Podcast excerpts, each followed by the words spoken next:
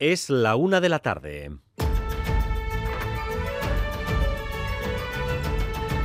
Crónica de Euskadi con Dani Álvarez. A Rachaldeón, el gobierno vasco imprime hoy su sello a alguno de los aspectos clave de la legislatura, aprobando en un mismo día seis leyes: empleo, educación, empresas o finanzas quedan hoy reguladas a través de nuevas leyes en las que la mayoría del PNV y el PSE es clave. Los principales proyectos quedan aprobados con los 41 escaños de los dos partidos del gobierno. El último capítulo de la legislatura, por tanto, se escribe hoy. Parlamento Ainhoa Iglesia, León. A León ahora mismo se debate la ley de educación, la más importante de esta legislatura y que tanto ha dado que hablar. Se aprobará finalmente con los votos de los socios del gobierno haciendo valer su mayoría absoluta. Pero lo decías, no es la única. Ya está aprobada, por ejemplo, la ley de empleo o la de protección de datos y quedan aún tres más, como la del Instituto Vasco de Finanzas. Este superpleno, junto con la aprobación de los presupuestos mañana, supone un acelerón en esta esta recta final de legislatura en la que Íñigo Urcuyu no quiere dejarse en el tintero ninguna de las leyes que considera estratégicas antes de terminar su mandato. Se está, por tanto, en esa recta final para la aprobación de la ley de educación. La primera en aprobarse esta mañana ha sido la ley de empleo, la ley dirigida por Idoya Mendía. ¿Qué dice esa ley, Rodrigo Manero? Pues lo más importante es que se recoge que todas las personas paradas o trabajadores en activo tendrán derecho a recibir formación continua para encontrar un trabajo o mejorar el que ya tienen. Para ello se reorganizará la ANVIDE, que ofrecerá un plan personalizado con acciones y seguimiento individualizado. También se prestará más atención a los perfiles que necesitan las empresas y habrá planes de empleo en todos los municipios de más de 10.000 habitantes. La ley recoge además el concepto de trabajo digno en materia de salario o seguridad, que tendrán en cuenta todos los poderes públicos. El acuerdo para el nuevo gobierno de Pamplona avanza rápido y firme. Joseba Asirón tendrá en su equipo de gobierno a Guero Abay y a Contigo Zurekin. Será un gobierno en minoría, porque el PSN no quiere entrar, pero el programa se firma ya esta misma tarde. ¿Qué pretenden hacer al frente del ayuntamiento? Ollane Arangoa sacar a la ciudad del bloqueo y de la parálisis provocada por Rupen. Eso es lo que dicen los firmantes del acuerdo. EH Bilduguero Abay y Contigo Zurekin se marcan como prioridades la vivienda, las políticas sociales o la convivencia. Escenificarán la firma del acuerdo de gobierno esta tarde a las 5. El próximo alcalde de Pamplona, Joseba Sirón, y los concejales de Abay y Contigo Zurekin. El Partido Socialista no entrará al nuevo gobierno, aunque sí ha participado en el proceso. Lo apoyará desde fuera, dándole estabilidad, ya que sumarán 16 concejales frente a 11 de la derecha. La justicia europea abre la puerta a una superliga de ricos en el fútbol, como querían el Madrid, el Barça y otros potentes clubes alemanes, italianos o ingleses. El Tribunal de Justicia dice que la FIFA y la UEFA están en una posición dominante y esto, en el futuro, podría desfigurar los campeonatos de cada país donde juegan nuestros equipos. César Pérez de Gazolaz, eh, ¿hay reacción de los clubes vascos por el momento? Bueno, pues eh, Dani, de momento no hay ninguna postura oficial eh, pública de nuestros clubes. En principio la idea general de los diferentes clubes vascos de primera y segunda división siempre ha sido contraria. De hecho, solo el Barça y el Madrid, como decías, avalan este proyecto, este proyecto de, de Superliga.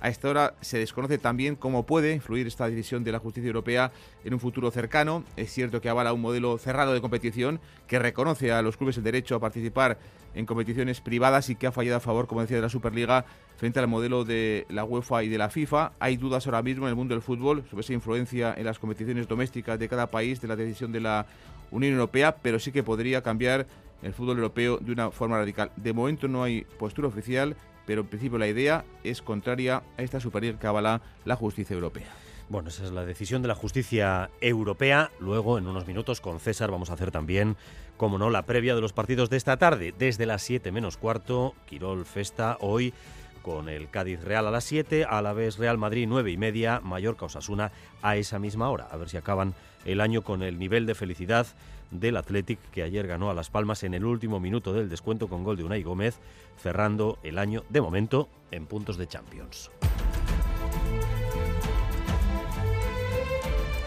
La previa, por cierto, del partido de la Real va a ser con, con este aroma Santo Tomás allí ahora mismo. Kata ikustia, lagunekin egotzea. Talo de chistorra. Muy rico. Sí, claro, un día como hoy hay que venir a ver un poco el cerdo, el ambiente, y bueno, llueva o no llueva, hay que venir. Es más hermosa que la del año pasado, me parece, que pesa más. Grande, sí, sí, sí, muy bonita. Pues enorme. Hay que tener confianza que a ratos no llueva para poder disfrutar más, ¿no? Eso en Donostia, el ambiente bilbaíno, pues lo mismo. Son las 11 menos cuarto de la mañana y nos quedan 16 botes de miel para vender. No tenemos ya ni para regalar. Una docena de huevos de caserío. algo de queso. Nuestro producto estrella es el pastel vasco. Lo hacemos de crema, también tenemos de chocolate y de confitura de cereza negra. El talo, un chisturra y luego alguna cosita igual de huerta también que también les puede interesar, ¿no? Y además, el proyecto Loraldia cumple 10 años y ha anunciado ya la programación cultural que desarrollará el próximo marzo en Bilbao. Actividades diversas creadas en euskera o desde el euskera. Participarán creadores como Miren Narvaiza, Lorea Aguirre, Kirmen Uribe, Miquel Urdangarín, Rafa Rueda, John Maya o John Sarasúa. Amaya Ocerín, responsable de comunicación de Loraldia. Van a pasar más de 120 creadoras y creadores por el festival y llegaremos a los grandes espacios culturales de Bilbao. Vamos a tener teatro, danza, música, literatura, bercholaricha, cine, arte, todo tipo de disciplinas. Y además, hoy hemos recibido la última medición de audiencias CIES de este año. Ya saben que es la, encuesta más elaborada en lo que tiene que ver con las audiencias que se realizan en nuestro país. Y nos ha ofrecido un regalo de Navidad por adelantado, porque el regalo que ustedes nos hacen tiene una cifra, 188.000 oyentes. 188.000.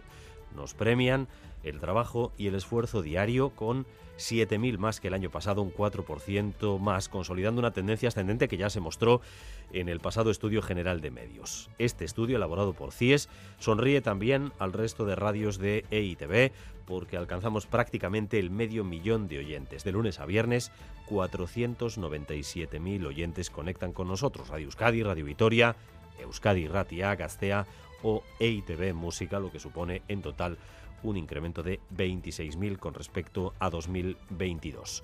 Por nuestra parte, uno a uno, nuestro agradecimiento 188.000 veces es que ricasco.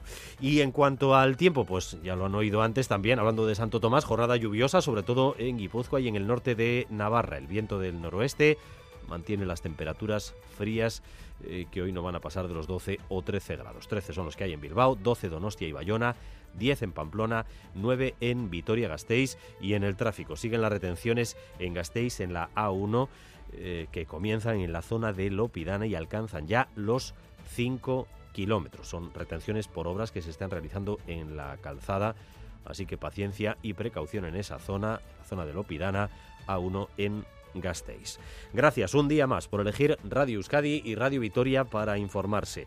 Raúl González y Bea Leal se encargan de la dirección técnica y María Cereceda de la coordinación.